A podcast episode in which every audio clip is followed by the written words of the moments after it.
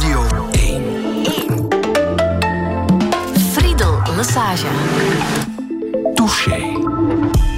Touché vandaag met Johan Swinnen. Goedemorgen. Goedemorgen. Gewezen ambassadeur, heel veel diplomatieke posten over de hele wereld. En uh, je zei zo net, ik kan het het beste samenvatten uh, in uh, delen van drie.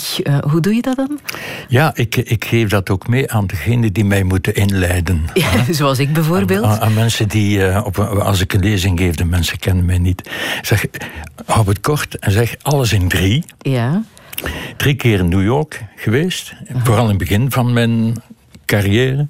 Drie keer in Afrika. En toevallig in de drie landen, eh, Rwanda, Burundi, Congo, die wij het best kennen. Uh-huh. Drie keer in Europa, waaronder een keer ambassadeur in Den Haag, ambassadeur in Madrid, dat was mijn laatste post. En drie keer in Brussel. En ik voeg daar aan toe, heel belangrijk dat een diplomaat ook in zijn eigen land werkt. Ja. Want exotisme begint in uw eigen land. Je moet uw land dat je vertegenwoordigt, moet je eigenlijk heel goed kennen. Mm-hmm. Mm-hmm. En, en ook graag hebben en graag mee omgaan, graag verwerken. En ik heb me dikwijls betrapt op de zin, het verlangen om België uit te leggen in het buitenland. Er zijn veel collega's, of zeer veel Belgen, zelfs politici, die het opgeven. We kunnen België, dat is zo complex, we kunnen dat niet meer uitgelegd krijgen. Maar ik vind dat een geweldige uitdaging om dat land waar geen oorlog wordt gevoerd, waar geen stammetwisten zijn, waar we elkaar de keel niet oversnijden, hè, waar we door compromis, door overleg, met een zekere institutionele spitstechnologie, toch tot akkoorden komen. En dat is misschien iets heel eigen aan de Belgen, waar we, dat we moeten blijven koesteren. Die kwaliteit van de Belgen om vreedzaam samen te leven, maar ook om daar, en dat is misschien een nieuwe boodschap, een boodschap die we terug moeten opbrengen. Hè? Wij Belgen, elkaar, laten we toch die troeven die wij hebben van onze coexistentie, een Germaanse en een Latijnse cultuur, niet over twee verschillende democratieën spreken, maar over twee verschillende culturen die elkaar toch aanvullen en elkaar verrijken. En Geert van Nissendaal heeft het ooit geschreven in de jaren negentig reeds. Hm? Europa, dan hebben we ook een boodschap voor Europa. Europa zal Belgisch zijn of zal niet zijn. In die verschillen toch een harmonie vinden en die harmonie ook kweken en koesteren.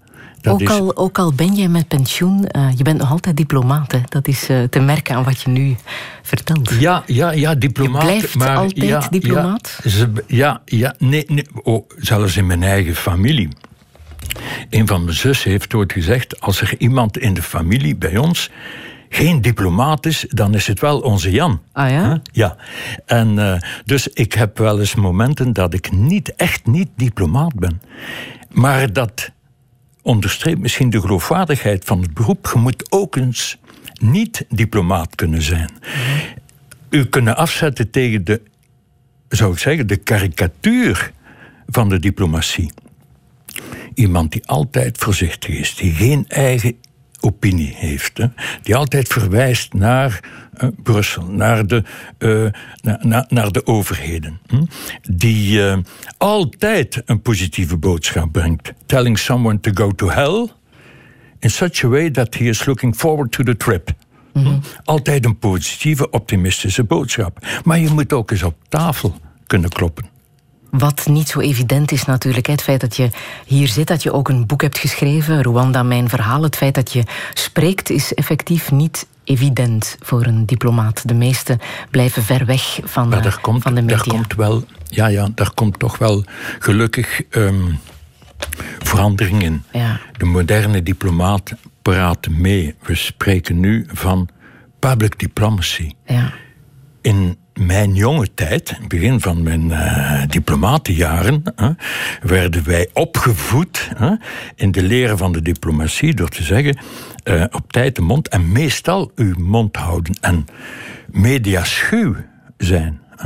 De pers zoveel mogelijk van uw werk houden. Hou ze ver van, van, van de diplomatie van uw van uw gedragingen, van uw opinie. Nu worden onze jonge diplomaten opgeleid om de pers te woord te staan. En om zich te gedragen als een vertegenwoordiger, maar ook als een advocaat van het land dat ze vertegenwoordigen. En ook een advocaat van de vrede, van de verzoening en van de goede verstandhouding met het land, met de organisatie, internationale organisatie, waar u geaccrediteerd bent. Dus er is toch wel een, een, een, een gunstige, een positieve ontwikkeling in de diplomatie die ik. Eh, die ik toejuich. Ik ben nu wel blij dat, je de volgende twee uur zeker niet op je woorden zal letten, maar dat, je zal spreken vanuit het hart. De diplomaat ook op de goede momenten moet kunnen zwijgen. ja. Hoe zou jij jezelf uh, omschrijven? Als ik uh, dat hoor van mijn vrouw, van Mieke, van de kinderen, van mijn broers en zussen, uh, kleinkinderen, ja. Johan Swinnen, dat is iemand die nogal empathisch is ingesteld. Ik ga graag naar de mensen, ik toon graag belangstelling, interesse, respect. Dat is belangrijk. Respect in, in, in, in, in ieders leven, niet alleen in het leven van, van de diplomaat. Empath is ook tamelijk positief ingesteld. Optimistisch, soms tot, ja, wel eens een moment van naïviteit. Mm Van een zekere ja, ongekunstelde, ongeveinsde belangstelling, een beetje candide. Maar daar zeggen ze dan ook, hij is een familieman. Dat is voor mij heel belangrijk. Familie en niet alleen mijn broers en zussen en mijn kinderen en mijn vrouw en de kleinkinderen, maar ook nog wat daarbuiten. Familie en vriendschap vriendschap koesteren, investeren in vriendschap, zelfs met mijn eigen kinderen. Mijn kinderen zijn groot. We hebben enorm veel geluk met onze kinderen. Mooie kinderen, mooie schoonkinderen, mooie kleinkinderen. Iedereen gezond. We hebben enorm veel geluk. En wat ik ontdek, wat voor mij eigenlijk het meest mm, stimulerend is, het meest aantrekkelijke, dat is die band van vriendschap.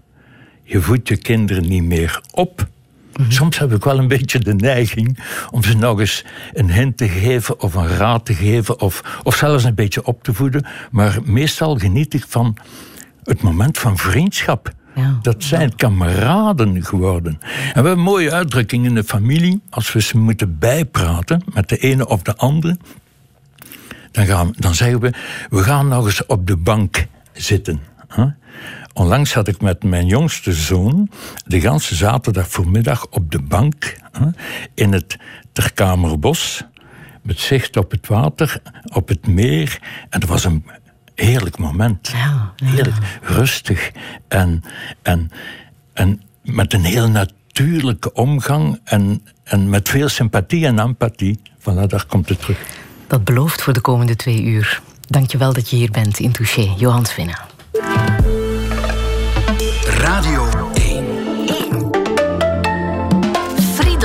Massage. Touché.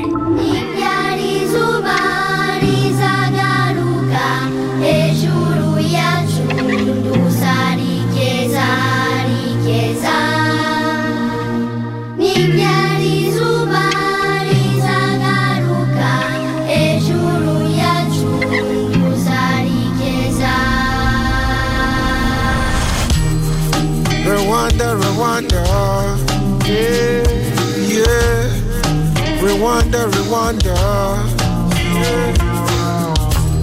They said many are called, a few were chosen, but I wish some wasn't chosen for the blood spilling of Rwanda.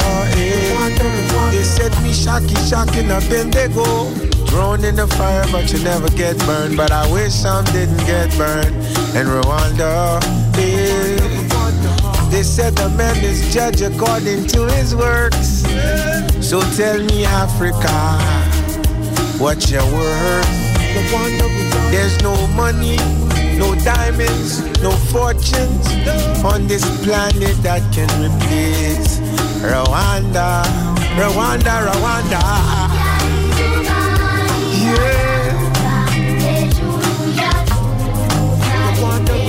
cries the cries of the children.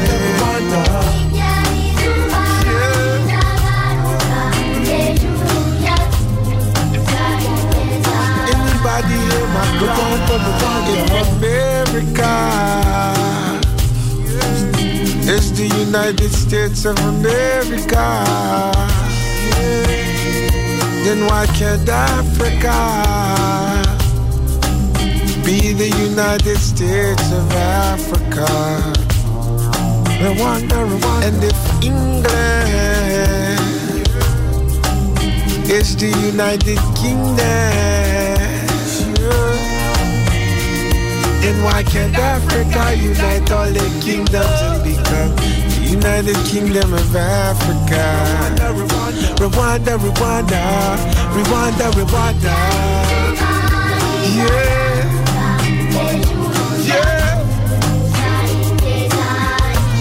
Are the of the children. Yeah. Can anybody out there hear our cries? Yeah. Heaven's cry. Jesus Christ.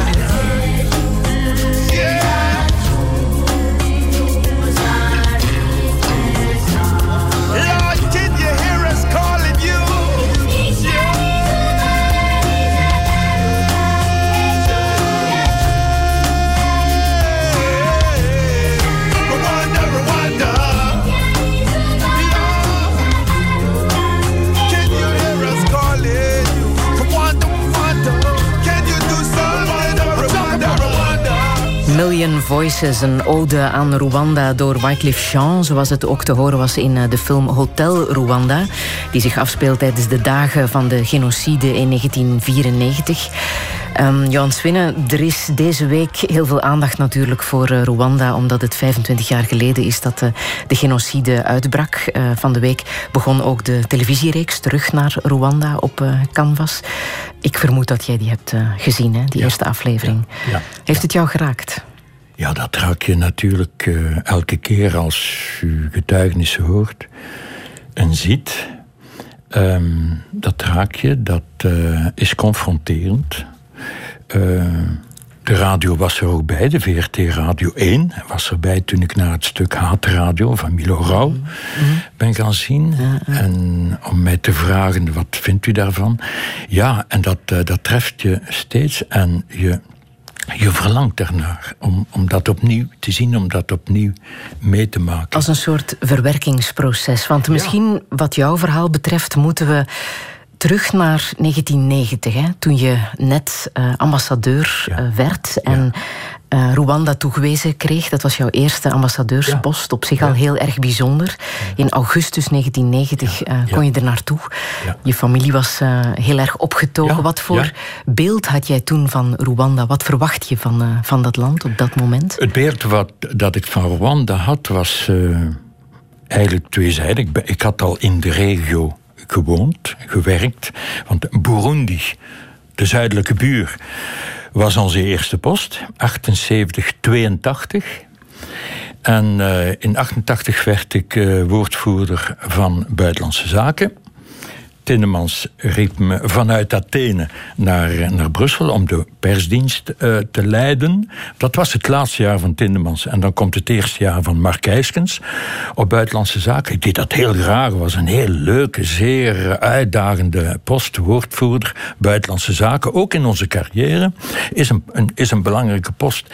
En dan komt verrassend, vervroegd die post vrij Rwanda. Waar ik een jaar voordien met de premier, Wilfried Martens, en de minister van Buitenlandse Zaken, Mark Eiskens, op officieel bezoek was geweest. En iemand, eh, het hoofd van de, van de, van de, van de coöperatie in, eh, van, op onze ambassade in eh, Kigali, die ik gekend had in Burundi, die had me toen gezegd, hm, tijdens een receptie, tijdens dat bezoek in 89, zou jij hier niet eens terugkomen als ambassadeur? En ben daarover beginnen nadenken. En ik heb die post gevraagd. En die is dan vervroegd vrijgekomen in 90. In mijn boek heet mijn eerste hoofdstuk Verlangen naar Rwanda.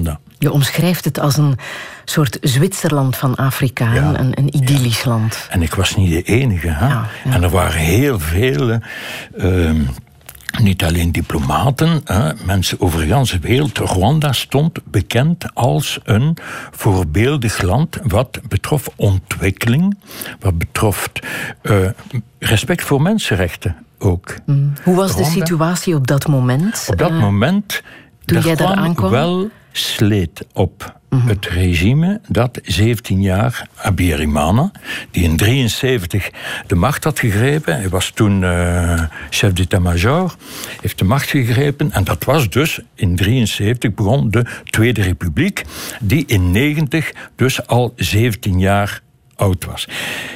En er zat wel wat sleet op hier en daar, wat scheuren en, en, en, en verkrampingen. Bijvoorbeeld, er was een proces bezig tegen journalisten die zich onvertogen en kritisch hadden uitgelaten over onder andere de corruptie in het land. Want dat was het tweede probleem. Het eerste probleem was dus een probleem van persvrijheid. Er worden de mensenrechten wel zo goed gerespecteerd als de goede gemeente denkt. En twee, is daar uh, ook geen uh, geen, geen, geen probleem van goed bestuur. Want inderdaad, de corruptie begon, het, uh, begon op, op te duiken. En er waren berichten over. Dat kwam ook in onze Belgische pers. Nu zal ik niet zeggen dat dat zeer uh, ernstige problemen waren waar dat wij en onze diplomatie wakker van lag. Want relatief gezien was Rwanda een land met goede reputatie. Hm? En bovendien, Rwanda was voor ons hm, we hadden om de, om de hadden wij ruzie met, uh, met Mobutu, hè, met het grote buurland.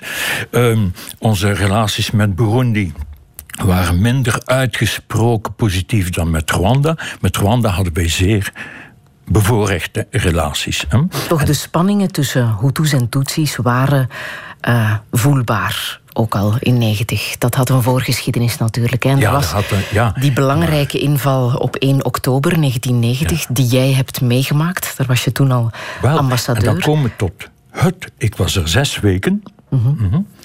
Trouwens, op het, uh, op het ogenblik van de, van de inval van 1 oktober was ik niet in het land. Ik was in België bij de begrafenis van mijn vader. En uh, we zouden, die zaterdag begraven en de eerste inval 1 oktober was maandag. En dat was aan de vooravond van de geplande reis van terugkeer. Dus de eerste dagen uh, van, die, uh, van die crisis waren wij zelfs niet in het land, maar drie van onze vier kinderen waren kinderen achtergebleven, dus ze waren zeer ongerust. Dat was een verrassing. Maar dat had te maken met het probleem. Ik had het over het probleem die begonnen op te duiken van mensenrechten en van spanningen. Maar het probleem waar we zeer, zeer bewust van waren, waar we echt een, een, een, een, een een belangrijk besef van hadden, dat was het vluchtelingenprobleem. Want in 1959, nog voor de onafhankelijkheid, hm, had er een sociale revolutie plaatsgevonden. En hadden de Hutus, de demografische meerderheid, hadden de macht gegrepen met de steun van de Belgen. Een emancipatiebeweging die dus tot succes had geleid, mede omdat de Belgen die revolutie, die sociale revolutie steunden. Want toen waren veel Tutsis gevlucht, onder andere naar het buurland, het noordelijk buurland Oeganda. En die wilden na verloop van tijd terugkeren. Abiyarimana en zijn uh, regime had altijd zeer terughoudend, om niet te zeggen negatief, op gereageerd. Dat land zit vol, we kunnen u geen menswaardig bestaan garanderen in dit arm land. Uiteindelijk, dankzij de auspiciën van de UNO, van het Hoogcommissariaat van de Vluchtelingen, was er afgesproken dat eind september, begin oktober van datzelfde jaar, onderhandelingen zouden starten, verkennende gesprekken. Dus een dialoog, een vredelievend proces zou worden ingeluid en gehonoreerd. Abirimana heeft mij, ik weet niet hoeveel keer gezegd, ils sont venus, ils sont venus, maar ils sont venus avec des armes. Dus ik vind dat we, als we de genocide, als we dat verhaal vertellen, moeten we beginnen natuurlijk met de sociale revolutie. Hm? De spanningen tussen Hutus en Tutsis. Hm? En dan in 1 oktober 90, op het ogenblik dat er naar een vergelijk zou gezocht worden, dat men daarmee zou beginnen, dat het FPR, dat was dus de organisatie van de vluchtelingen, Fonds Patriotique Rwandais, het Rwandese Patriotic Front, zijn niet komen onderhandelen, maar zijn het land binnengevallen. Die geschiedenis moeten we en die moet kennen en begrijpen om moet, te... Ja uh, om te begrijpen ook wat er op 6 april 1994 is gebeurd, vier jaar later, toen het uh, vliegtuig van uh, president Habyarimana uit de lucht werd geschoten en daarop volgend de genocide op gang kwam. En zo klonk het toen bij ons op de radio. Eén aanslag, twee presidenten dood, twee gezagsdragers in hetzelfde vliegtuig. Het kan alleen in Afrika, het op alle gebied achterblijvend en verarmend continent. De vredesonderhandelingen geraken nergens rond, al wordt er wel overal gepraat. Onder meer door de presidenten van Rwanda en Burundi, gisteravond vermoord op terugreis van een bijeenkomst in buurland Tanzania. Na de dubbele moord is de vrees alom dat de chaos en de oorlog er nog maar groter kan op worden. Touché. Begin van gruwelijk nieuws was dit. Maar hoe was dat voor jou? Want jij was nog altijd ambassadeur. Hoe is dat nieuws bij jou binnengekomen? Ja, je bent er dan al bijna vier jaar. Uh Willy Klaas, onze toenmalige minister van Buitenlandse Zaken, had mij al beloofd dat ik op mijn volgende post in Straatsburg zou terechtkomen, ambassadeur bij de Raad van Europa. Dat is dan niet doorgegaan, maar dat is een ander verhaal.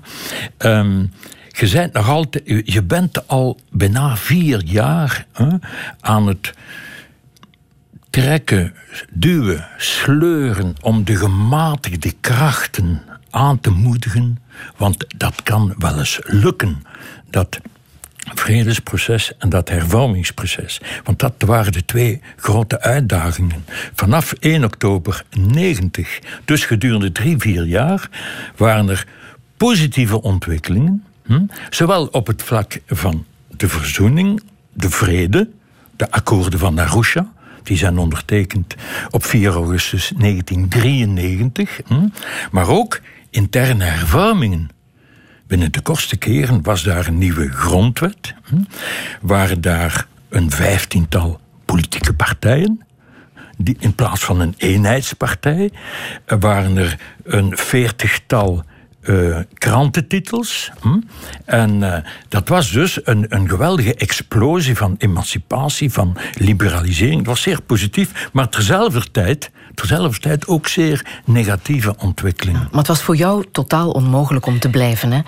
Uh, iedereen werd geëvacueerd. Ja, uh, dat we, ja de, de, de pares waren, uh, tien pares vermoord. We vergeten vaak van ook te spreken van twaalf burgers, Belgische burgers. Mm -hmm. Ik vind dat we die ook moeten herdenken. Hm. Want die anti-Belgische gevoelens waren, waren, ook al langer aan de gang. Op de radio, op die ja. radio, Radio Television Libre de Mille Collines, ging het ook tegen de Belgen. Elke mm -hmm. Moest een Belg voor zijn rekening nemen. Dat waren uh, momenten. Dus de Belgen waren in onveiligheid en de eerste avond twee uur na de aanslag op het vliegtuig is een bevriende Rwandese kolonel me komen zeggen: ambassadeur, voorzichtig, moet niet buiten komen, blijf, blijf op uw residentie, want u staat hoog op de lijst van de radicale Hutus. Die willen u ook om het leven brengen. Dus er was wel vrees en Willy Klaas is zelfs aangedrongen dat ik de, de ambassade zou verlaten nog voordat andere mensen, medewerkers, zouden geëvacueerd worden. Maar gelukkig, ik zou het mij vandaag nog verwijten, mocht ik het schip hebben verlaten, vooraleer dat mijn collega's en medewerkers dat ook deden. Mhm. Ik heb zelf de ambassade gesloten, een week na de aanslag, een kleine week, een kleine week na de aanslag op het vliegtuig. En toen zag ik de vrachtwagens met de lijken al voorbij rijden. Het begin van de genocide die honderd ja. dagen heeft ja. geduurd.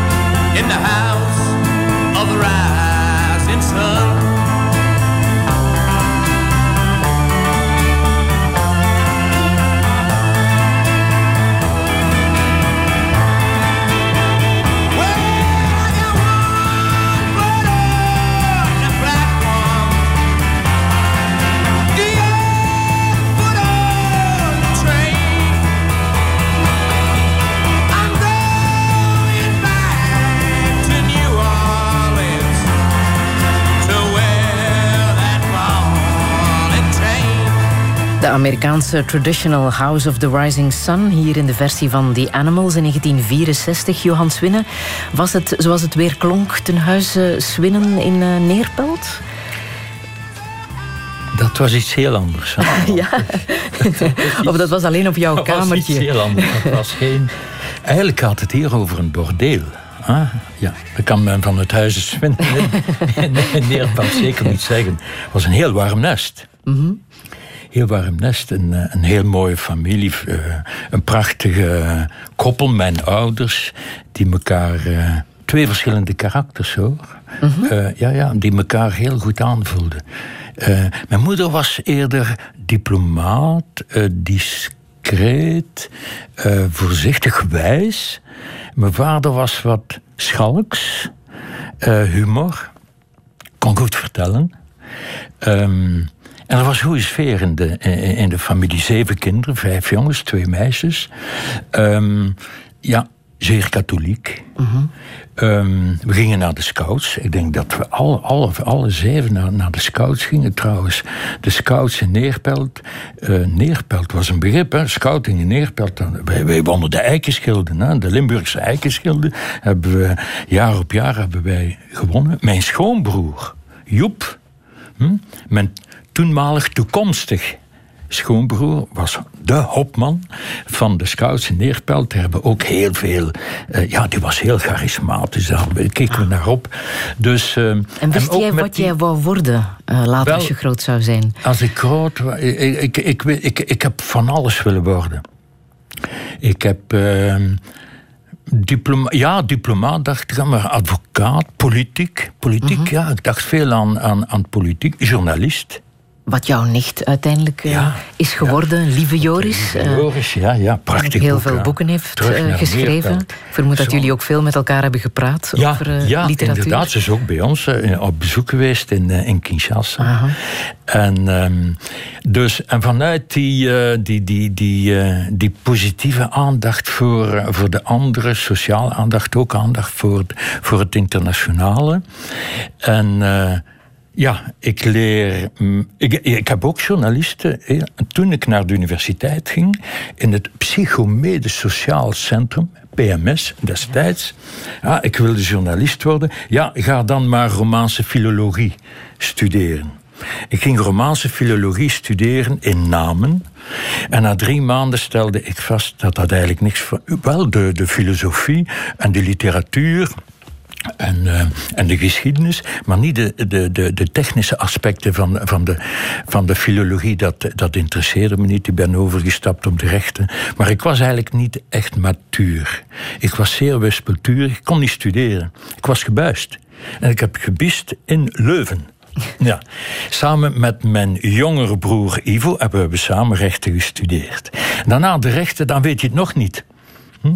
Ga je advocaat worden? Ga je notaris worden? Want ik had er notariaat ook bij gedaan. Nee, ik ga internationale betrekkingen, internationaal recht studeren. En Erik Suij, mijn toenmalige prof volkenrecht, stuurde mij naar Genève. In Genève heb ik Mieke leren kennen, mijn vrouw. En eh, zij heeft in Congo een deel van haar jeugd, een belangrijk deel van 2 tot 9 jaar, van 52 tot 59 in Congo gewoond. En toen we in Congo op post waren, veel jaren nadien, noemden de Congolezen mijn vrouw zeer affectief een enfant du Congo. Prachtig. hè? Ehm, dus ook mede door mijn vrouw. Ik had een broer, eh, mijn oudste broer Fons, een jezuïet. Die heeft twintig jaar in, in Congo gewerkt. In de jezuïte colleges als prefect in Congo. Dus dat zijn dus elementen die er mij dan uiteindelijk toe gebracht hebben. Maar ik was al getrouwd. Dus met medeweten en compliciteit van mijn vrouw, heb ik dan uiteindelijk toch gekozen voor de diplomatie. Te meer omdat ik in Genève geconfronteerd was met diplomatieke conferenties en vooral met een persoon een ambassadeur, de Belgische ambassadeur destijds bij de Verenigde Naties in Genève, Jean-Paul van Bellingen, die me zei: Ah, geïnteresseerd u aan diplomatie? Kom morgen eens lunchen. En er was een tijd à tijd met een groot ambassadeur. Ik, jonge student nog, hè, 24, 25 jaar. Een tijd van drie uur waar die man mij heeft uitgelegd hoe dat de Belgische diplomatie, hoe dat die Belgische carrière eruit zag. En daar heb ik gezegd, ik ga ervoor. En als je dat nu bekijkt, zoveel jaren later, kan je zeggen dat um, diplomatie echt nuttig is als zoveel landen op dit moment nu vooral strijden voor hun eigen belang? In hoeverre kan diplomatie dan nuttig zijn? Dat is een, uh, een heel pertinente vraag. Ik, uh, ik ga er zeer graag op in. Maar ook omdat heden ten dagen heel veel middelen ter beschikking staan van onze politici, van onze bedrijven, van onze NGO's, hm, communicatiemiddelen. Hm, waar de diplomatie misschien over het hoofd kan gezien worden. Waarom zouden onze ministers nog beroep doen op een, op, een diplomaat als ze rechtstreeks kunnen converseren, kunnen contact nemen, uh, kennis nemen van uh, editorialen, van, van, van, van, van gedachten en van publicaties van hun homologen of, of, of collega's. Hè? Of ook omdat het multilaterale zo belangrijk is geworden. Die, die collega's die zien elkaar voortdurend. En toch, toch heeft de diplomaat, de carrière-diplomaat, heeft daar zijn bevoorrechte plaats. Mhm. Want het is heel belangrijk investeren in vertrouwen. Mhm. Heb je in Rwanda kunnen doen wat je ja. moest doen als ja, diplomaat? Heb je je daar nuttig kunnen uh, ja, want uh, daar heb je eigenlijk een tegendeel van het, het, het, het, uh, het cliché, het, het, het, het, stereotype beeld van, van de diplomatie kunnen, kunnen, kunnen uh, ontkennen. Omdat je meetimmert aan het beleid. Je sleutelt mee, je bent op het terrein, je zit in een heel complexe, situatie, zeer wisselende situatie ook. En daar is het heel belangrijk dat de diplomaten op het terrein, die investeert in contacten, in geduldige contacten, in luisterende contacten, die weet of probeert te weten. Want nu zeggen we nog altijd, hebben we het wel allemaal begrepen. Maar toen dachten we, en ik denk dat dat de goede approach was. We gaan, we moeten de gematigde krachten stimuleren en aanmoedigen. Maar dat wil niet zeggen dat we niet moeten luisteren ook naar de extremisten. En die kwamen bij ons ook over, over, over de vloer. Het blijft toch een zeer frustrerende vraag. Had de genocide voorkomen kunnen worden? Kijk, um, als je die vraag stelt, dan kom je al heel snel bij de verantwoordelijkheid van de internationale gemeenschap. We zijn gaan lopen. We hebben ons laf gedragen. We hebben ze in de steek gelaten. De UNO, de internationale gemeenschap, Europa, de Belgen, wat was de rol van de Amerikanen? Enzovoort. De Afrikanen zelf, de Afrikaanse Unie. Dus men is geneigd van het proces te maken van de internationale gemeenschap en ik ben daarmee akkoord. We moeten dat doen. Ook de rol van de internationale gemeenschap zoveel mogelijk te gronden. Waarom ook is de Europese, heeft de Europese Unie gefaald. Ik, ik beweer het in mijn boek. We hebben, wij Fransen en Belgen, we zijn er niet in geslaagd om ons te weren, verzet aan te tekenen tegen de karikatuur die van de karikatuur zeg ik wel degelijk, hm, die door de extremisten werd gemaakt van de Fransen, de Hutus en de Belgen. Wij waren de Tutsis. Hm? Want wij waren te streng met Habirimana en met zijn regime. Waren te veel op de pres voor de mensenrechten enzovoort. Um, we hadden ze in de steek gelaten, omdat in vergelijking met de Fransen die hun troepen van oktober 90 hadden gehandhaafd tot eind 93 toen de UNO-troepen ze kwamen vervangen. Um, dus, en ik verzet me tegen die karikatuur. Hè? Maar ik ik, ik, ik, ik, ik deel wel de mening dat Europa daar meer had kunnen wegen op dat uh, proces, op dat verzoenings- en vredesproces. Maar, en nu komt de maar. We moeten ons niet beperken tot het proces van de internationale gemeenschap. De eerste verantwoordelijken zijn de Rwandezen zelf. Zowel het regime of de schoonfamilie van Abirimana. Er waren zeer negatieve krachten uh, aan het werk, de Hutu Power. Ik leg in het boek uit hoe dat die radicalisering is ontstaan. Want een van de uh, redenen van die radicalisering, dat waren ook die ontheemden op een bepaald ogenblik was één Rwandees op de zeven leefde in kampen gevlucht voor de invallen van het FPR, van de rebellen, van de Tutsi-rebellen. Dat moet ook verteld worden. We moeten ook weten dat in, zelfs in de Arusha-akkoorden zaten elementen die heel moeilijk waren uit te leggen aan de Hutu-meerderheid. Want bijvoorbeeld de militaire machtsdeling was zeer voordelig voor het Tutsi-leger van de rebellen, van het FPR, van Kagame de toekomstige en de huidige president van, van Rwanda. En dat was allemaal zeer moeilijk uit te leggen. Maar wij, en dan kom ik terug op mijn rol als diplomaat, je blijft erin geloven. Dat moet hier lukken. I was a believer. Tot 6 april was ik voortdurend in gesprek met de Rwandezen. Ik niet alleen, ook met de internationale gemeenschap, met de Fransen, met de Duitsers, met de Europese Commissie, met, uh, met de Oegandezen, met de Tanzanianen vooral, met de Amerikanen en de, en de Canadezen. Uh, de Chinezen en de Russen iets minder. Hm. Maar stel dat jij nu een gesprek zou kunnen hebben, al dan niet als diplomaat, met Kagame, met de huidige president. Waarover zou je het dan willen hebben?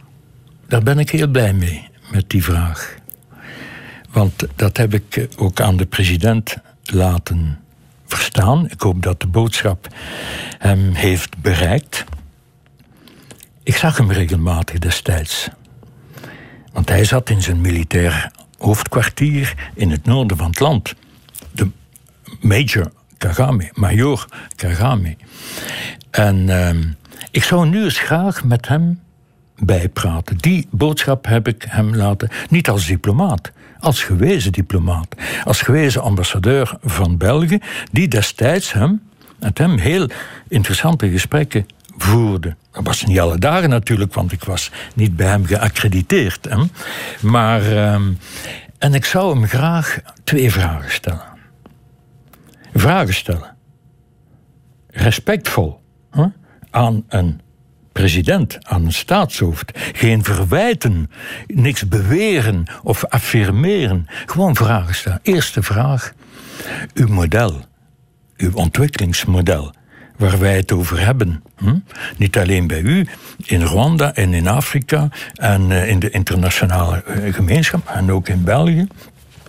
Het ontwikkelingsmodel van uh, Kagame, van het nieuwe regime het postgenocidaire regime, want hij heeft de macht overgenomen op het einde van de genocide. Um, in welke mate is dat, kan dat model duurzaam zijn? Gelooft hij werkelijk in de duurzaamheid van dat model? Hm? Ik ga daar niet over uitweiden, hm? maar er zullen heel veel mensen begrijpen wat ik daar precies mee bedoel. Twee, destijds als wij in Molindi kwamen, dan eh, werden wij door hem aangeport en aangemoedigd en zelfs gefeliciteerd omdat wij ons inderdaad bekommerden om de mensenrechten onder Abiyarimana, hm? onder een Hutu-regime. Hm? Nu kan hij 25 jaar na de feiten ons toch niet verwijten dat wij de UNO-rapporten lezen, dat wij rapporten lezen van bijvoorbeeld Human Rights Watch, een zeer ernstige, serieuze human rights mensenrechtenorganisatie, waar overwoedig wordt gewacht gemaakt van schendingen van mensenrechten. Mhm. Zo, Mr. President, hm, wat moeten we daarvan denken? Wat is uw antwoord daarop? Maar ik heb nog geen antwoord op mijn, mijn suggestie ontvangen of ik welkom ben. Maar ik, daar, daar zit ik nu niet op te wachten. Er is nog geen antwoord gekomen. En misschien had ik hem zelfs niet moeten zeggen waarover ik hem eventueel zou willen praten. Hè? Want wat heel belangrijk is, en dat mis ik, een serene dialoog. Iemand die vragen stelt over de genocide, over de aanloop naar de genocide. Want ik heb vooral de aanloop gekend, de jaren die eraan vooraf gingen. Ik heb het, de positieve en de negatieve ontwikkelingen gezien. Iemand die vragen stelt, ik wil het nu niet over mij hebben, maar over bijvoorbeeld de Rwandees.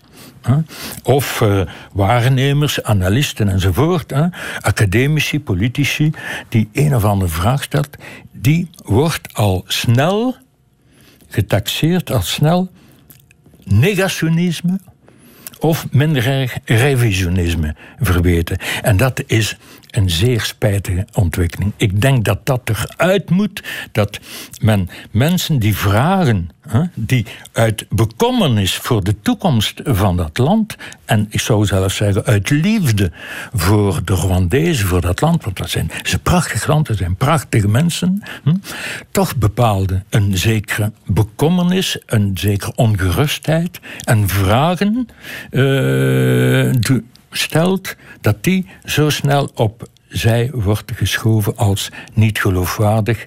Wie niet 100% voor mij is, is 100% tegen mij. De nuance ontbreekt. En dat is ook. Die nuance was al aanwezig in de jaren die in onze diplomatie en in mijn optreden in Rwanda, nog voor de genocide. En het is ook vooral om die reden dat ik dat boek heb willen schrijven.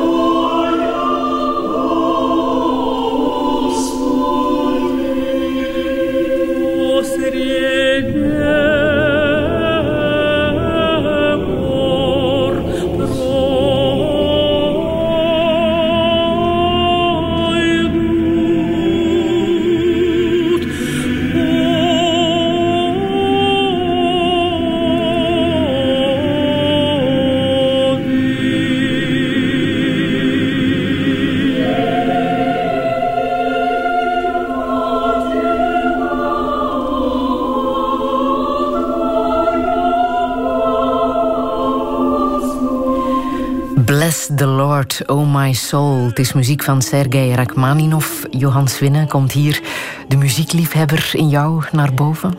Ja, ja, ja, ja, ik hou van muziek, maar ik kan moeilijk werken met muziek op. Ja. Zelfs klassieke muziek. Speel jij zelf muziek? Nee, dat is heel spijtig. Dat, dat zou eigenlijk bij mij een. Dat is eigenlijk een groot gemis. Kon ik nu piano spelen? Ja. Goh, of viool. Nee, vooral piano. Ja, maar dit is iets dat uh, weer klinkt ten huize Swinnen in jouw uh, zevende hemel, noem jij je appartement Ja, ja, ja. In, uh, maar in de zevende hemel, daar, daar, zit ik alleen. Hè? Mijn zevende hemel, dat is dus de, de, de hoogste verdieping van het appartementsgebouw. En wij wonen op het zesde, maar op het zevende heb ik mijn studio, mijn, mijn, mijn, mijn bureau, mijn boeken, mijn papieren, mijn radio en mijn, uh, mijn pen, ja. ja. Uh, mijn computer, maar ook een, een, een tuin van 75 vierkante meter met zicht op het Terkamerbos. Mm -hmm. Gisteren was het prachtig, zo'n prachtig weer. En met, met, die, met dat bos dat, dat, dat bloesemt, ja. dat bloeit, dat groeit, dat is... Uh, dat, dat, dat, dat stemt je rustig. Ik kom daar tot rust. Die plek en... van jou, is dat een soort museum? Want je bent een groot verzamelaar, hè? Ja, maar geen, uh, ik heb daar de middelen niet toe. Of misschien um, heb je de, heeft iedereen daar middelen voor om kunst te verzamelen. Want kunst moet niet noodzakelijk duur zijn. Hè? Dat is heel mooie kunst die, die niet duur is. Wat maar verzamel jij ik dan? heb wel, ja, ik verzamel um, boeken. Uh, ik lees weinig boeken, maar en de boeken die ik lees, dat is meestal vakliteratuur, maar ik lees geen romans. Mijn vrouw leest romans. Uh -huh. Die leest voortdurend, voortdurend. Maar zijn het memorabilia ja. die jij verzamelt? Maar uh, ik verzamel dus, ik, ik, ik gooi geen brieven weg. Ik heb vier of vijf groot, heel grote kartonnen van brieven briefwisselingen uit mijn jeugd. -huh. ja, die, gaan, die gaan niet weg, die gooi ik nooit weg. Ja. Want, ik zeg altijd, dat is een kubieke meter, dat hebben we over, die we misschien nooit nodig hebben. Maar het is geruststellend, die idee van, als je er ooit aan in moet gaan zoeken, je weet dat je het zult vinden. Ja. Ze zijn er nog. Ja. En ik verzamel dus ook uh, uh, artikelen over, ja, over diplomatie, over conflicten, over, over spiritualiteit ook. Of bijvoorbeeld, uh, wat, om maar één naam te noemen, wat Injaas de Vis schrijft in zijn columns. meestal knip ik dat uit. Ik, ik, wil dat bewaren. Ah. En ik heb zo'n aantal klassementen, dossiers, aandachtspunten. bijvoorbeeld over diplomatie. Ik geef lezingen over zin van en onzin over diplomatie. Ah. Ervaringen en overpeinzingen van een ex-diplomaat. en als ik zo ergens een artikel zie aan, of over mensenrechten. Ja. Fantastisch interview van Rick Dorfs in de Knak, de laatste Knak, met een Zweed die een boek heeft geschreven over een Chinees-Amerikaan die deel uitmaakte van de uh, delegatie die de um, Universele Declaratie van de Mensenrechten van 48 heeft onderhandeld. Fantastisch interview. Dat knip jij dan dat. uit. Ik bewaar dat. ja, ja. Ja, ja. En dat is een... Ja, dat is een zekere passie, ja. Hoe ja. gaat het met de fotograaf in jou? Ja. Is die ik, er nu nog? is dat uh, photoshopping. Hè. Ik, uh, ik, telkens als er thuis iemand, iemand of meerdere komen lunchen of dineren, of zelfs een kop koffie, maak een foto. Echt waar? En dan stuur ik die, uh, en ik, ik werk die wat bij, ik zet die in zwart-wit of uh, uh, te, veel, ja? te veel plafond of te veel, te veel openstaande kasten of zo. Die worden eruit ge, uitgeshopt. En ja, maar vroeger, toen ik jong was, de vader van, u spreekt van Lieve Joris. Jouw nicht, de schrijfster. Ja, ja. die uh, die ontwikkelde zelf foto's. En zo is dat ook in onze familie terechtgekomen. Die hobby. En mijn oudste broer, Fons, heeft een donkere kamer geïnstalleerd. En ik heb uren, uren eh, in de donkere kamer. Uh, in mijn puberteit was mijn uh, mijn passie was vooral uh, fotografie. Ik maakte bijvoorbeeld foto's van de, van de voetbalwedstrijd, van het college tegen een ander college, of klas tegen klas. Sanderdaags hingen die foto's op de boom op de speelplaats. Hè. Ja. En als je het hebt over jou, de foto's die je maakt en de brieven die je hebt geschreven en bijhoudt, gaat dat ook over de belangrijke briefwisseling, zoals bijvoorbeeld met ministers, met, ja, met uh, ja, presidenten. Ja, ik heb een heel Die heb je ook allemaal bijgehouden? Ja, ja, ja. ja. Dat Wel, lijkt mij een zeer uh, kostbaar Van Rwanda eigenlijk uh, heb ik ehm, ja, er waren dingen. Ik had mijn schriftjes, hè, die ik nog uh, vlug ben gaan halen toen ik met een, een, een, een, een tank werd geëvacueerd van de ambassade, van de bureaus, naar de luchthaven. Heb ik nog een ommetje doen maken in een heel hectisch moment via de residentie. Het was levensgevaarlijk op dat moment. Uh, vijftiental schriftjes te gaan halen waar al mijn notas in opgeslagen uh, stonden.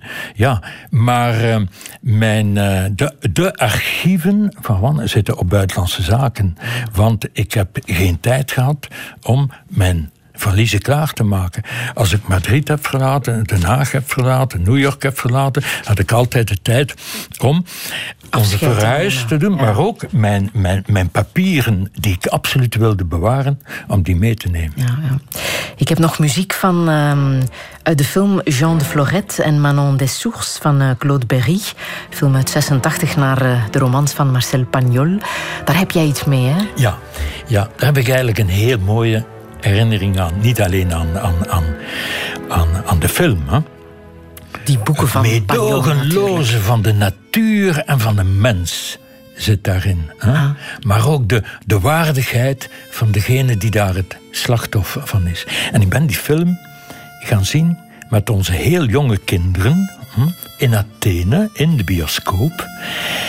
En ze hebben daar nadien, we gingen naar de bioscoop de zondagnamiddag. En ik zei, maar dan moet je daar nadien wel een verhaaltje over schrijven.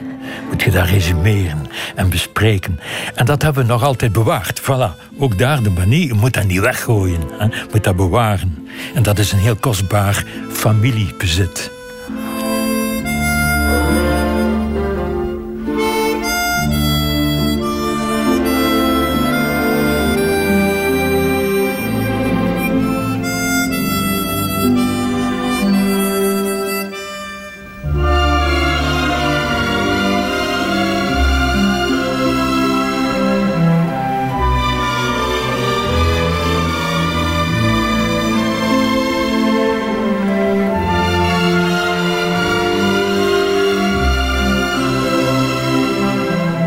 Openingsmuziek uit Jean de Florette.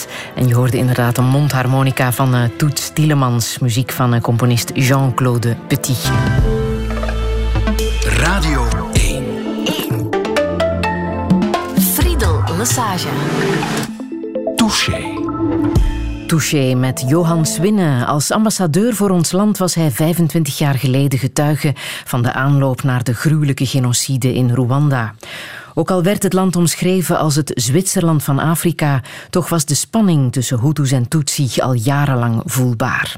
Met het neerhalen van het vliegtuig van de toenmalige president Habyarimana gingen alle remmen los, met een kleine miljoen doden tot gevolg. Was deze gruwel te stoppen? Kan je schoonheid ervaren als je zoveel ellende hebt gezien? En hoe moet het verder? Komt het ooit nog goed met Congo, dat ander land waar hij de ambassade betrok? En wijst dit alles op het falen van Europa? Europa.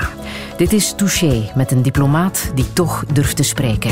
Johan Swinne, een goede middag. I hear the drums echoing tonight.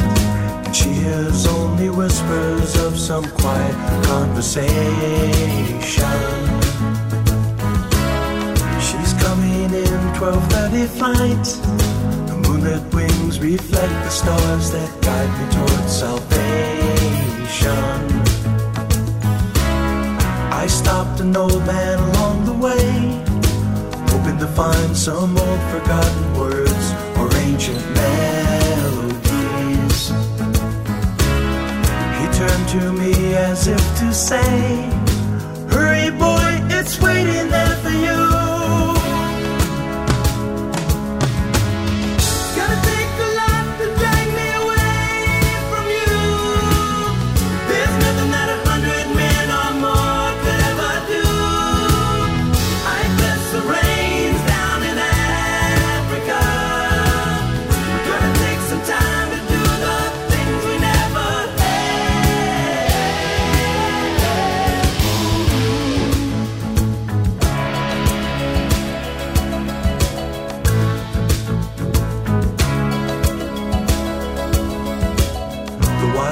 Dogs cry out in the night as they grow restless, longing for some solitary company. I know that I must do what's right, sure as Kilimanjaro rises like Olympus above the Serengeti. I seek to cure what's deep inside, frightened of this thing that I've become.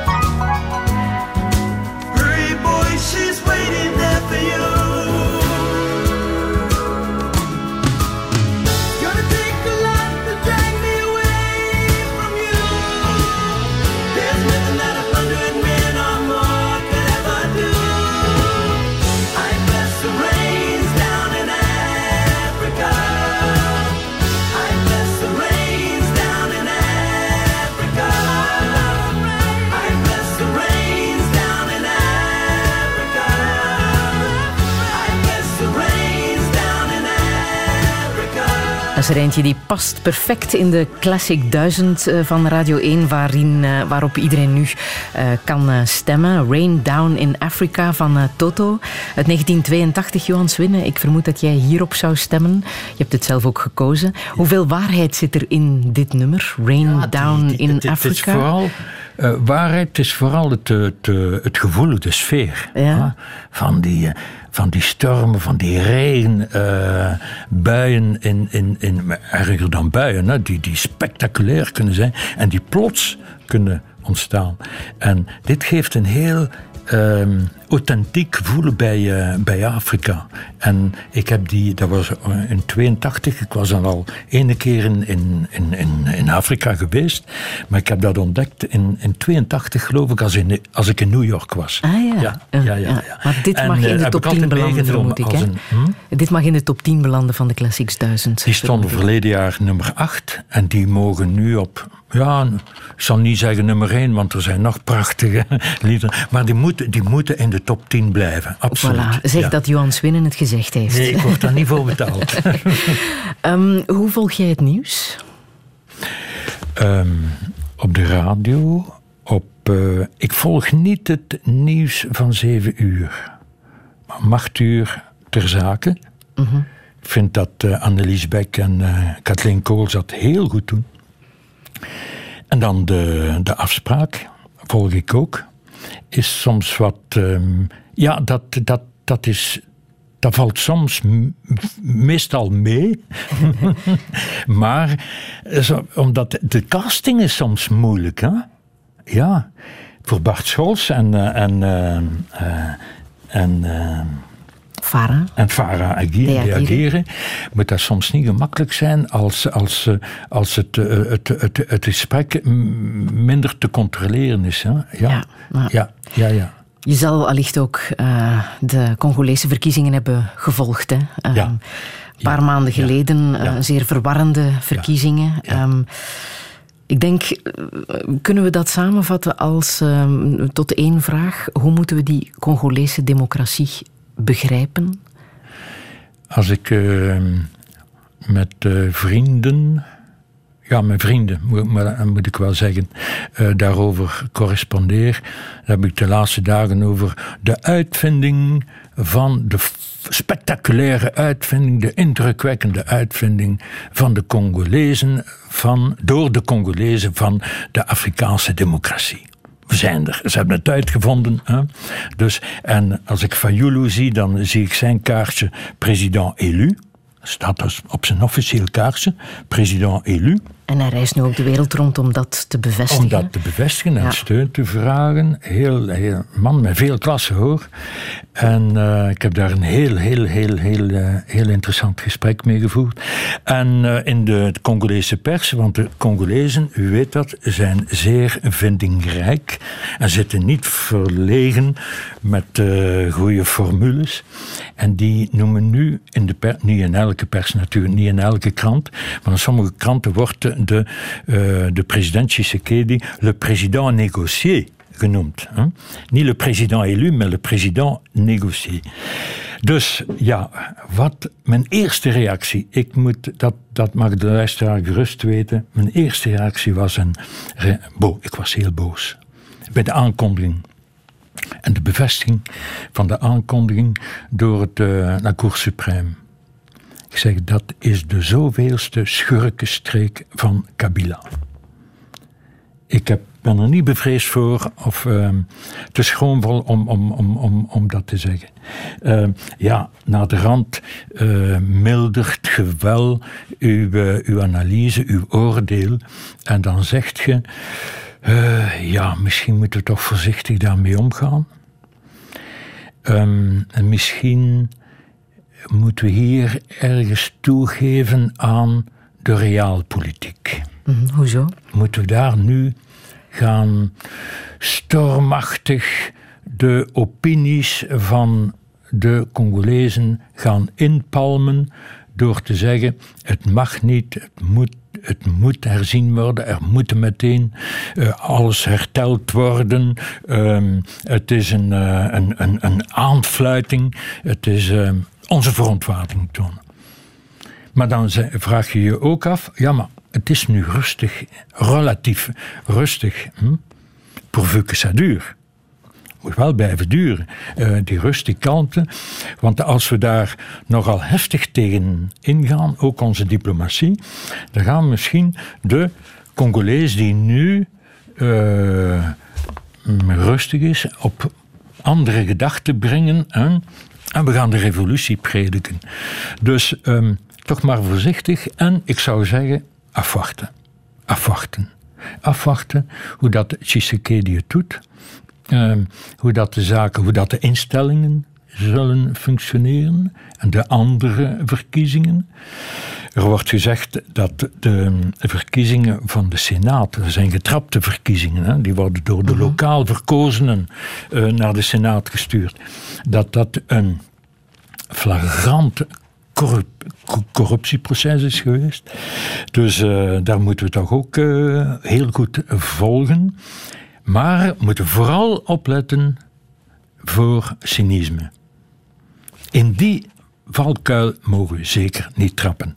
Waaruit zou dat bestaan? Als we zeggen, laat ze maar aanmodderen, laat ze maar voortdoen. Ze zijn er toch niet rijp voor. Het zal daar nooit goed komen. Het zijn Afrikanen, het zijn Congolezen.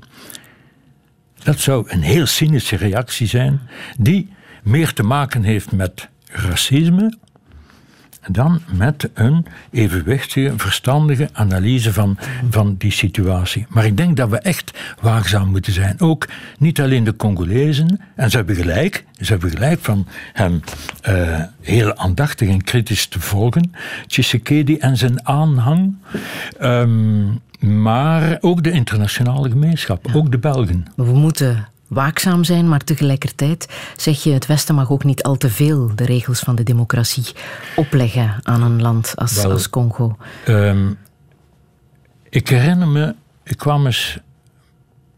Ik zat in het vliegtuig, ik kwam terug van Arusha, toen de onderhandelingen bezig waren, in mijn Rwanda-tijd. En ik was mij aan ik schrijf het ook in mijn boek. eh, ik vroeg, vroeg me af in het vliegtuig, maar wij moeien ons toch veel met die democratie. Wij zijn nu mee met de Rwandezen eh, hun eigen instellingen, hun eigen democratie aan het uittekenen, hè, aan het façonneren. En ik kom meer en meer tot de vraag, hè, weer een vraag, geen, geen affirmatie, maar toch de vraag. Is er geen verschil tussen democratie en mensenrechten? Ze hebben met elkaar te maken, onlosmakelijk met elkaar te maken. Maar als we het over de democratie hebben, we moeten natuurlijk de democratie als universele waarde blijven bevorderen, blijven aanmoedigen. De inspraak van de burger bij het bestuur is toch zo belangrijk. Dat moet universeel waargemaakt worden. Maar de manier waarop Kagame, Kabila, Tshisekedi, Macron, Rutte, wij hier dat doen, dat is misschien eh, eigen. En dat moet misschien beantwoorden aan de cultuur, aan het ritme, aan de gewoonten, aan de ambities van het volk zelf. We moeten misschien ons minder moeien, bemoeien met de concrete invulling van de democratie in een ander land. Maar, en dan kom ik bij de mensenrechten daar moeten we ons wel meer over ontfermen. En daar stel ik een zekere vergelijking vast naar het cynisme. De Chinezen en, de, en, en, en andere culturen, die bemoeien zich veel minder over mensenrechten. Maar ik vind dat als iemand zegt aan Kagame of aan Tshisekedi, ja maar ik heb een vraag, al maar een vraag stelt, hm, vooral in, in, in dictaturen en een vraag stelt over een derde mandaat of het zoveelste mandaat of over de manier waarop verkiezingen worden georganiseerd. En daardoor het een en het ander, het een of het ander riskeert. Hè? Ofwel dat hij van de aardbol verdwijnt, ofwel een boete wordt opgelegd of in de gevangenis terechtkomt, dan hebben we te maken met schending van mensenrechten. Fundamentele mensenrechten. Hm? Recht op vrije meningsuiting. Hm? Foltering bijvoorbeeld, als er gefolterd wordt. Hm? Foltering kan toch in geen enkele omstandigheid goedgekeurd worden. Ik vind dat de internationale gemeenschap, Europa, eh, zich daar te weinig over uitlaat. In vergelijking met de jaren 80 en 90, in mijn eerste, in mijn beginjaren van, van diplomaat, stel ik nu vast dat daar, ehm, ik zal nu niet zeggen cynisch mee wordt omgegaan, maar minder duidelijk, minder moedig. Ik denk dat we moeten blijven ijveren, omdat wij niet ons willen bemoeien, maar wat, omdat we geloven in de waardigheid dat is het sleutelwoord, de waardigheid van elke mens. Elke mens is uniek, elke mens is een originaliteit en elke mens verdient een waardige eh, bescherming, een waardigheid en een bescherming van die waardigheid.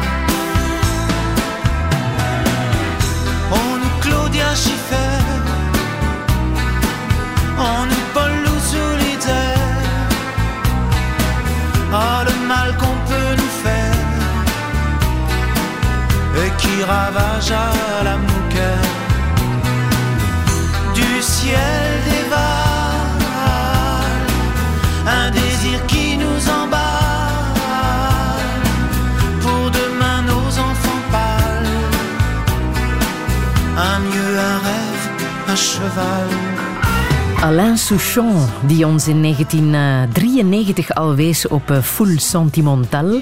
Johan Swinne, wat betekent dit nummer voor jou als eh, gewezen ambassadeur? Ik geloof daar, eh, ik geloof daar heel sterk in, in die boodschap. Hij steekt de draak met, de met de consumptiemaatschappij. Toen al, in 93. Ja, ja. dus uh, dat is een, een, boodschap die blijft, hè, die, die, die zeer actueel is ja. tegen, tegen het materialisme, tegen het individualisme. Hè.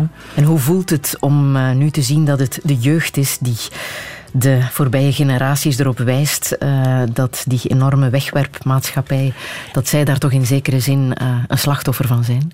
Ik denk dat we eigenlijk heel veel waardering om die te zeggen, bewondering kunnen en moeten opbrengen voor wat ik zou noemen de authenticiteit van dat engagement. Mm -hmm. Dat is heel belangrijk. Hè? De, de, de echte inzet. Hè? Ze laten zich geen foefjes wijsmaken. En dat staat ook in, in dat lied. Hè? Zo, hij zingt, Alain Souchon, ze overstelpen ons met verlangens hè? waar mee we uitgeput raken. Hè? Mm -hmm. Il nous inflige avec des désirs qui nous affligent. Hè? Dus, en dat is een beetje, in dat bedje is onze maatschappij ook een beetje ziek. En dan. Die, ze, hij, hij zingt het ook, hè, ze denken dat we met onze volle kasten, dat, dat die volle kasten, hè, als onze kasten maar vol zitten, dat we dan gelukkig zijn. En dat is een, dat is een waanidee, dat is een verkeerde, uh, een verkeerde filosofie of een verkeerde uh, levensopvatting. En het is ook goed die, om daar nu eens over ja. te spreken, want we zijn ook nu in de vastentijd. Hè? Ja, de ja. tijd waar we opnieuw die normen en waarden misschien in herinnering moeten, moeten brengen. Wel ja, in deze tijd. En uh, ja, dat is, dat, dat, dat, die, die moet daar zeker een uitnodiging uh, toe brengen. En ik geloof in de authenticiteit van, van, van, van dat engagement. De jeugd die zich niks laat wijsmaken. Mm -hmm. Mm -hmm. En uh, dan heb je wel de neiging, ik geef dat heel graag toe. Ja, maar die, die jongens en die meisjes die, die, die, die op straat komen, is dat omdat ze willen spijbelen. Hè? Dat is heel aantrekkelijk. Kijk, we gaan ons interessant maken en we gaan dat doen als we kunnen spijbelen. Maar we gaan dat niet de zondag doen. Hè? Mm. Want de zaterdag eh, en, de zondag hebben we andere dingen te doen. Gaan ze dan naar de jeugdbeweging of zetten ze zich in voor, uh, voor, voor zieke geburen of voor, voor ander uh, vrijwillig werk? Dat is de vraag die dan ook opkomt. Hè? Is dat, pas op, maar wat ik nu ga zeggen, hè, dat die betoging mag ook geen luxe worden of een ontsnappen aan. Nee, ik denk, en ik denk nog altijd, dat het een authentiek engagement is. En dat maakt de jeugd van vandaag ook zo aantrekkelijk. Hoe sober leef jij? Doe jij iets speciaals in de vastentijd? Uh, ik moet toegeven, En ben er, eh, ja, ik mag dat wel zeggen. Ik snoep. Ik ben, ik ben mijn, mijn, eh, mijn guilty pleasure, dat is snoepen. Ja, ja, ja. Ik, Ook ik in ben de een vaste snoeper. tijd. Ja, nee, niet in de vaste tijd. Ik zeg, dit is een, een, een, een, een moment, een gelegenheid, een uitnodiging om 40 dagen niet te snoepen. En tot nu toe ben ik er, behalve als het in sociale omstandigheden gebeurt. Je bent op een lunch en ik lunch veel. eh, vooral lunches. En er worden koekjes en chocolade geserveerd bij het dessert. eh, of ijs, dan kan ik dat eh, niet weigeren. Maar dus ik wil maak daar wel een wijzen- uitzondering. Je wil er wel op wijzen dat we onze waarden aan het verliezen zijn. Hè? Dat de waarden verwateren, zoals jij het zegt. Ja, Jonathan Holslag heeft dat eh, goed geschreven, al, al enkele jaren geleden. En ik heb dat genoteerd, heb ik uitgeknipt. Hè? Ja. Eh, dat, dat, dat stukje. Ehm, de verwatering van onze waarden. Hm? Wij maken nogal graag, dat is zo met de democratie ook, hè? we maken graag, wij met onze waarden, we maken dan ook graag het proces van de anderen. Hè? Ehm, van andere culturen, van andere godsdiensten, de bedreigingen die die, die, die uitmaken. Maar we timmeren misschien te weinig aan onze eigen waarden. Hm? En het is goed dat we ook in nieuwe waarden geloven. Hè? Want een mens is een wezen dat zich ontwikkelt. Zoals welke nieuwe waarden Ah, bijvoorbeeld de wedersamenstelling van gezinnen, homohuwelijk, eh, adoptie en, en, en eh, ja, er zijn zoveel eh, waarden. Ook het, eh, ja, een menswaardig sterven. hè. Probleem van de euthanasie. Ehm, en dat, zijn, dat is goed dat die debatten uit die problemen uit de taboe-sfeer worden gehaald. Dat we daarover kunnen redeneren. Rustig redeneren, niet met bashing. hè. Vertraagzaam. Respect. Het respect voor de mening van de anderen. Dat verliezen we soms wel eens. Hè? En daarom spreken we van een maatschappij die zich meer en meer polariseert. We hebben te weinig geduld om, en we zijn te weinig verdraagzaam om naar het standpunt van de anderen te luisteren. Dus dat is mijn verlangen dat onze samenleving, die we beleven zo'n boeiende tijden. Het is boeiend, ons leven deze dagen. Hè? Ook omdat we vele zaken uit de taboesfeer hebben gehaald, maar en we ontdekken ook nieuwe waarden, hè? of we zijn bezig met nieuwe waarden, maar ehm, we moeten toch eh, bewust zijn van ehm, de verrijking die we uit een zeker geduld, een geduldige omgang met die waarden kunnen opbrengen. En dat we niet roekeloos omgaan met waarden. Bijvoorbeeld, hm, maar daar heb ik het over een traditionele, oude waarde, solidariteit, migratie. Ik heb vaak de indruk, en dat beangstigt mij een beetje, dat we door die solidariteit zo ehm, krachtig te verdedigen.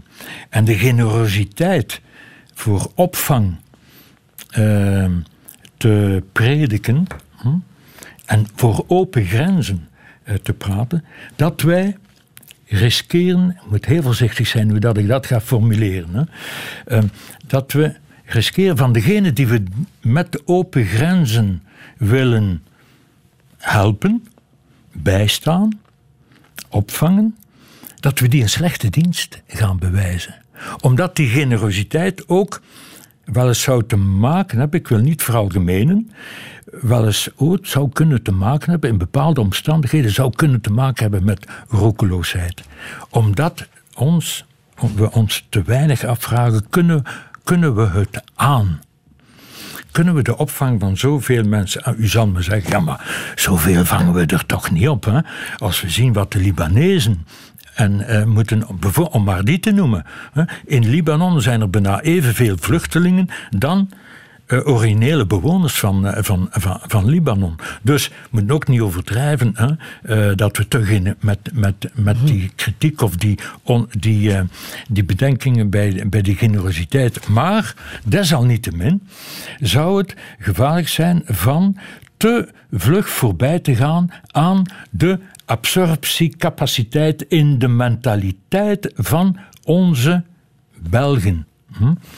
Die op, een- als de integratie niet lukt, als er inwijkelingen, migranten zijn die zich slecht aanpassen, die zich op een manier gedragen die onze Belgen niet zint, waardoor een averechtse reactie ontstaat en een zekere allergie tegen inwijkelingen. En dan hebben we inderdaad die migranten een slechte dienst bewezen. Dus we moeten daar voorzichtig mee zijn. Dat is een lange redenering, zeer genuanceerd, maar toch ingegeven door vooral de goede opvang en de toekomst van die migranten bij ons. Want die migranten zijn ook een verrijking. Maar we hebben met waarden te maken. Die waarden, onze eigen waarden, die dan ook gedeeld worden. En waarden die van andere culturen komen, die wij kunnen appreciëren en die wij niet als een bedreiging ervaren. Dat maakt ons leven deze dagen inderdaad nog een boeiend, maar soms niet gemakkelijk. Niet gemakkelijk.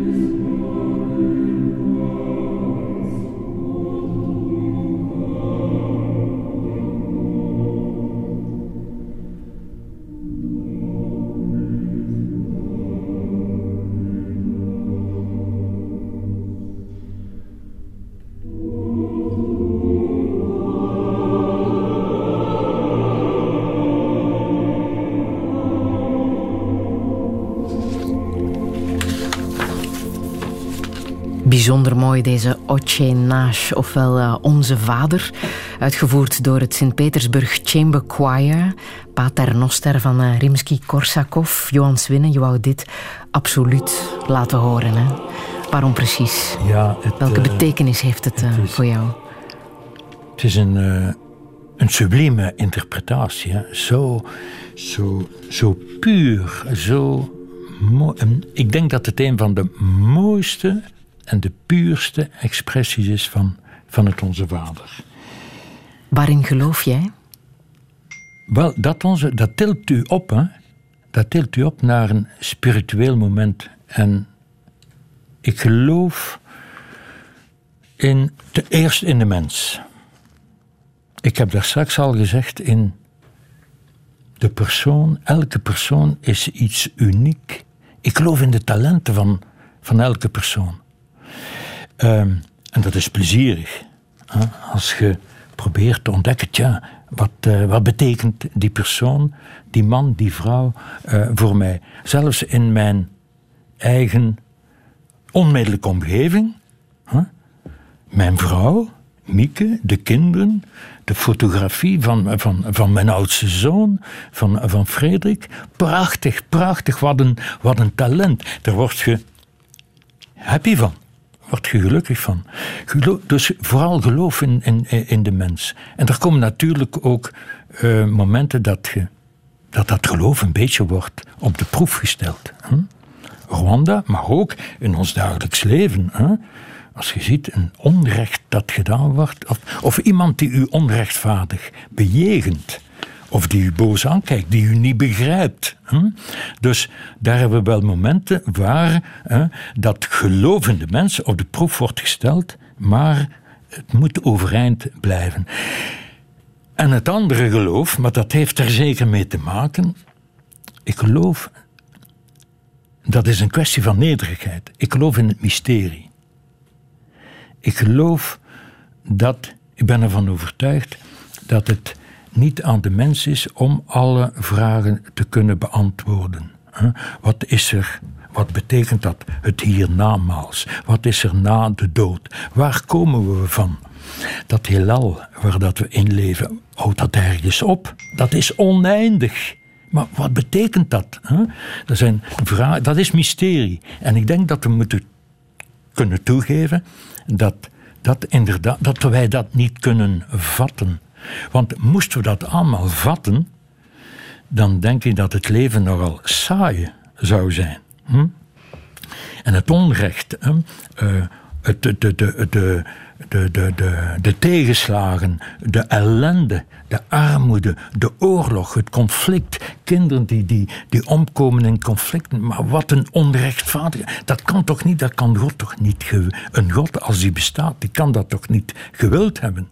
Maar als we ervan uitgaan dat we, in een vrij, dat we vrij geschapen zijn, hè, dan moet daar een plaats zijn ook voor het kwaad. Voor tegenslagen. Hè? Omdat ooit zullen we misschien begrijpen, voelen, weten, of het mysterie, het mysterie begrijpen, geconfronteerd worden. Maar dat zal niet in dit aards bestaan Dus ik, uh, ik geloof in, in, in, in dat mysterie, in de beperking van ons, maar een beperking die vrijheid insluit. En die ons toestaat van te streven naar het goede. Opdracht van de mens, streven naar harmonie, naar schoonheid, naar nuance. Daarom ben ik ook een hevige voorstander van nuance nuance, want zo zitten we in elkaar. Het leven zit vol, vol nuance. En daarom geloof ik ook in, in, in bezinning, in, in spiritualiteit. Onze hmm. vriend, de politiek filosoof, eh, Beri Leschi, heeft dat heel mooi gezegd. Ik geloof in alle godsdiensten. Hè? En godsdienst mag niet synoniem zijn van verdrukking en van conflicten. Ja, dat wordt soms in de karikaturale voorstellingen hè, gezegd. eh, oorzaak van al die conflicten, meestal of heel vaak de godsdienst. We mogen dat niet allemaal op eenzelfde hoop gooien. Godsdiensten leren ons ook hoe belangrijk de liefde is. Hè? De solidariteit. Hè? Het geloof in de mens, waar ik het over had.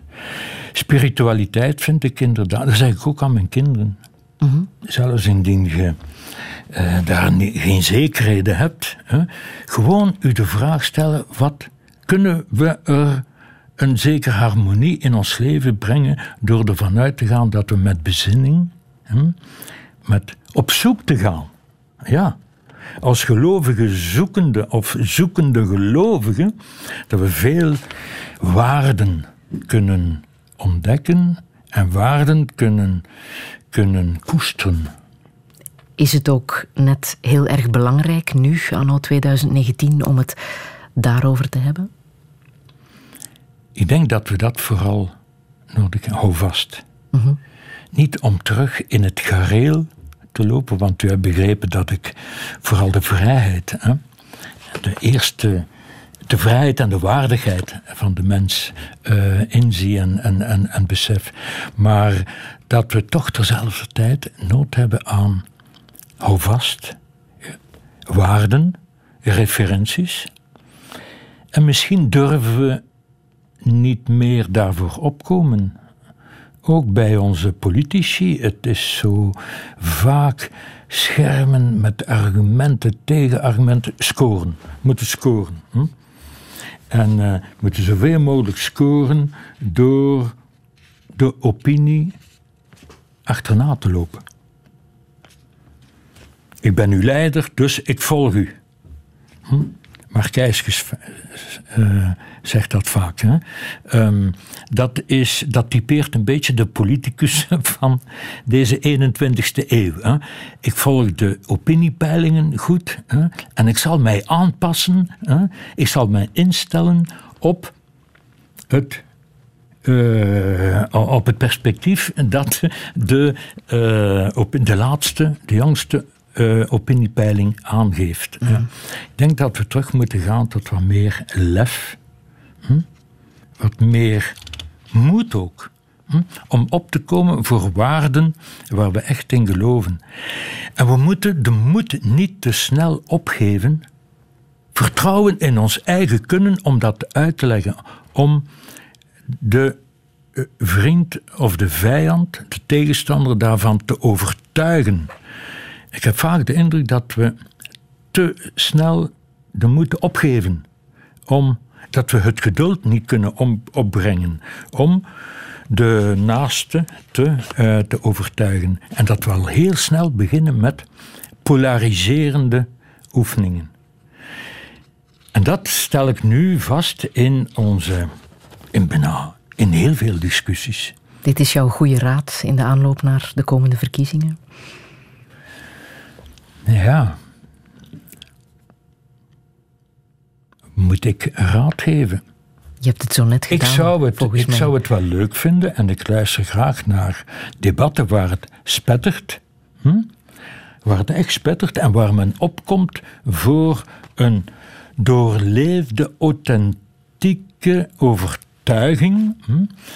Waar, en waar men niet onmiddellijk zint. We zitten in een verkiezingscampagne, dus men eh, concentreert zich op het onmiddellijk scoren. Hè? Wat levert mij dat op in, eh, in het stemhokje? Hm? Ehm, maar eh, ik zou het graag horen van politici die ehm, de indruk geven dat ze ook wat langer, op langere termijn nadenken over de toekomst van ons land, maar ook van verkiezingen gesproken, er komen ook Europese verkiezingen. En Europa, daar is in de opiniepeilingen, omdat we het daar dan toch over hebben, schijnt er toch weer een groeiend vertrouwen te ontstaan in de toekomst van Europa. In Europa. Mhm. Maar de Brexit bijvoorbeeld, hm, wat we meemaken in het Verenigd Koninkrijk, in Londen, dat stemt toch wel tot, eh, tot pessimisme. hm, moet het zo opgelost worden met eh, politici die voortdurend willen scoren. Boris Johnson, die nu zegt toch meegaat omdat eh, Theresa May heeft gezegd: en als je mijn deal aanvaardt, dan hou ik het voor bekeken, dan treed ik terug. Ja, is dat allemaal goed? Maar eh, we kunnen het proces maken, en we moeten dat doen, van de Britten. Hè? Maar ik denk dat voor de toekomst van Europa dat we ook een beetje ons eigen proces moeten maken. En niet alleen spreken over zij, zij, zij. Wij aan deze kant van het kanaal moeten misschien ook eens revisit Europe. En vooral spreken van een beter Europa, een beter gefocust Europa. Want als we heel bestormende en be, be, be, bevlogen uh, discours houden over Europa en meer Europa, meer Europa, dan vrees ik dat de burger eerder afhaakt. En dat we misschien eens zijn we goed bezig, dat we ons dat afvragen en dat we tezamen met de Britten over de toekomst van Europa. En dan komen we misschien tot een face-saving face way out, waar zowel de Britten als de Europese als de Europeanen aan deze kant, van Brussel bijvoorbeeld, hè, ook nadenken over hoe zouden Britten en de andere 27 uh, kunnen uh, voort samenwerken. Niet om ons te laten intimideren door de Britten. Die tijd moet voorbij zijn, heeft te lang geduurd. Maar om samen in mooie compliciteit opnieuw te timmeren met nieuwe kracht.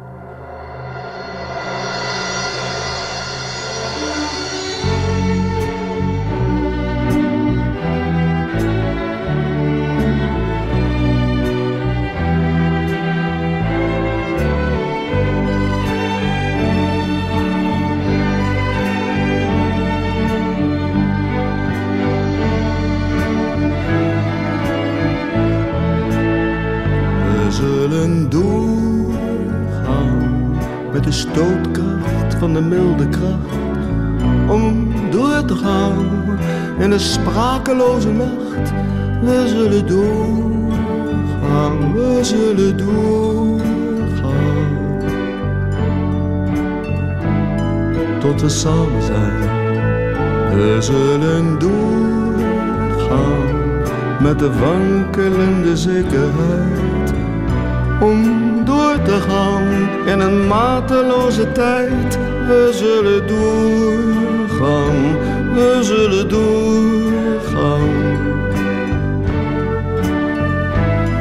Tot we samen zijn, we zullen doorgaan. Met het zweet op ons gezicht, om alleen door te gaan. In een loopgraaf zonder licht, we zullen door we zullen doorgaan.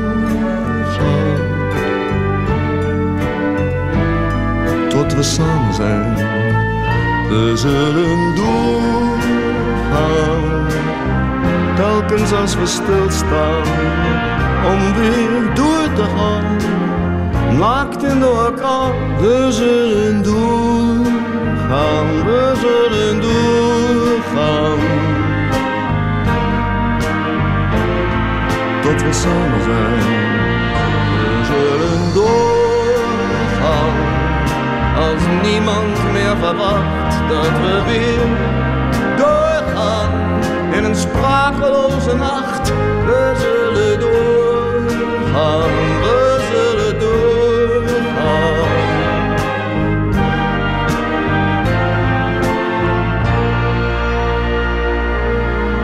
Tot we samen zijn. Ramses Shaffi, ook eentje voor de Classics 1000, vind ik. Wij zullen doorgaan. Johans Winnen, het is ook ja, verbonden met jouw levensmotto, denk ik, hè? Mijn levensmotto is eh, Fides ac fortitudo. Als geen vertrouwen werkt, en met vertrouwen, dan, dan kun je het beter. Dan doe je het beter en dan heb je ook meer moed. Ben je sterker. Om door te gaan. Om door te gaan. En dat lied is, is prachtig. Hè? Hij heeft het over De sprakeloze nacht, hè? de wankelende zekerheid in deze mateloze tijd. Hè? En toch doorgaan. Keep faith. Hè? Dat was ons motto bij de, in de familie, hè? met de kinderen. De- ze kennen die uitdrukking hè? Al, heel, al heel jong, heel vroeg. Keep faith, vertrouwen hebben. Hè? Erin blijven geloven, ervoor gaan. En als het vandaag niet is, dan is het misschien morgen. Hè? Als dit jaar niet is, dan is het misschien volgend jaar. Blijven doen. Maar dat steunt op vertrouwen. Maar vertrouwen komt niet van de ene dag op de andere. En vertrouwen is ook een investering? In geduld, in respect, in belangstelling. En als er respect wordt getoond, dan komt er a du respect en retour. En in wederzijds respect, in een sfeer van wederzijds respect, komt er vertrouwen. En in een sfeer van vertrouwen, heb ik al gezegd, kunt je meer, maar kunt je ook beter dialogeren. Hè? En dan kunnen we met Kabila en met, eh, met, eh, met Kagame, maar ook met, eh, met, met, met onze politici hier en met uw vrouw, hè? en met uw kinderen en met uw vriendin en met uw lief, hè? misschien heel gelukkig zijn. Ja. Omdat je, omdat je dat, dat zelfvertrouwen ook hebt.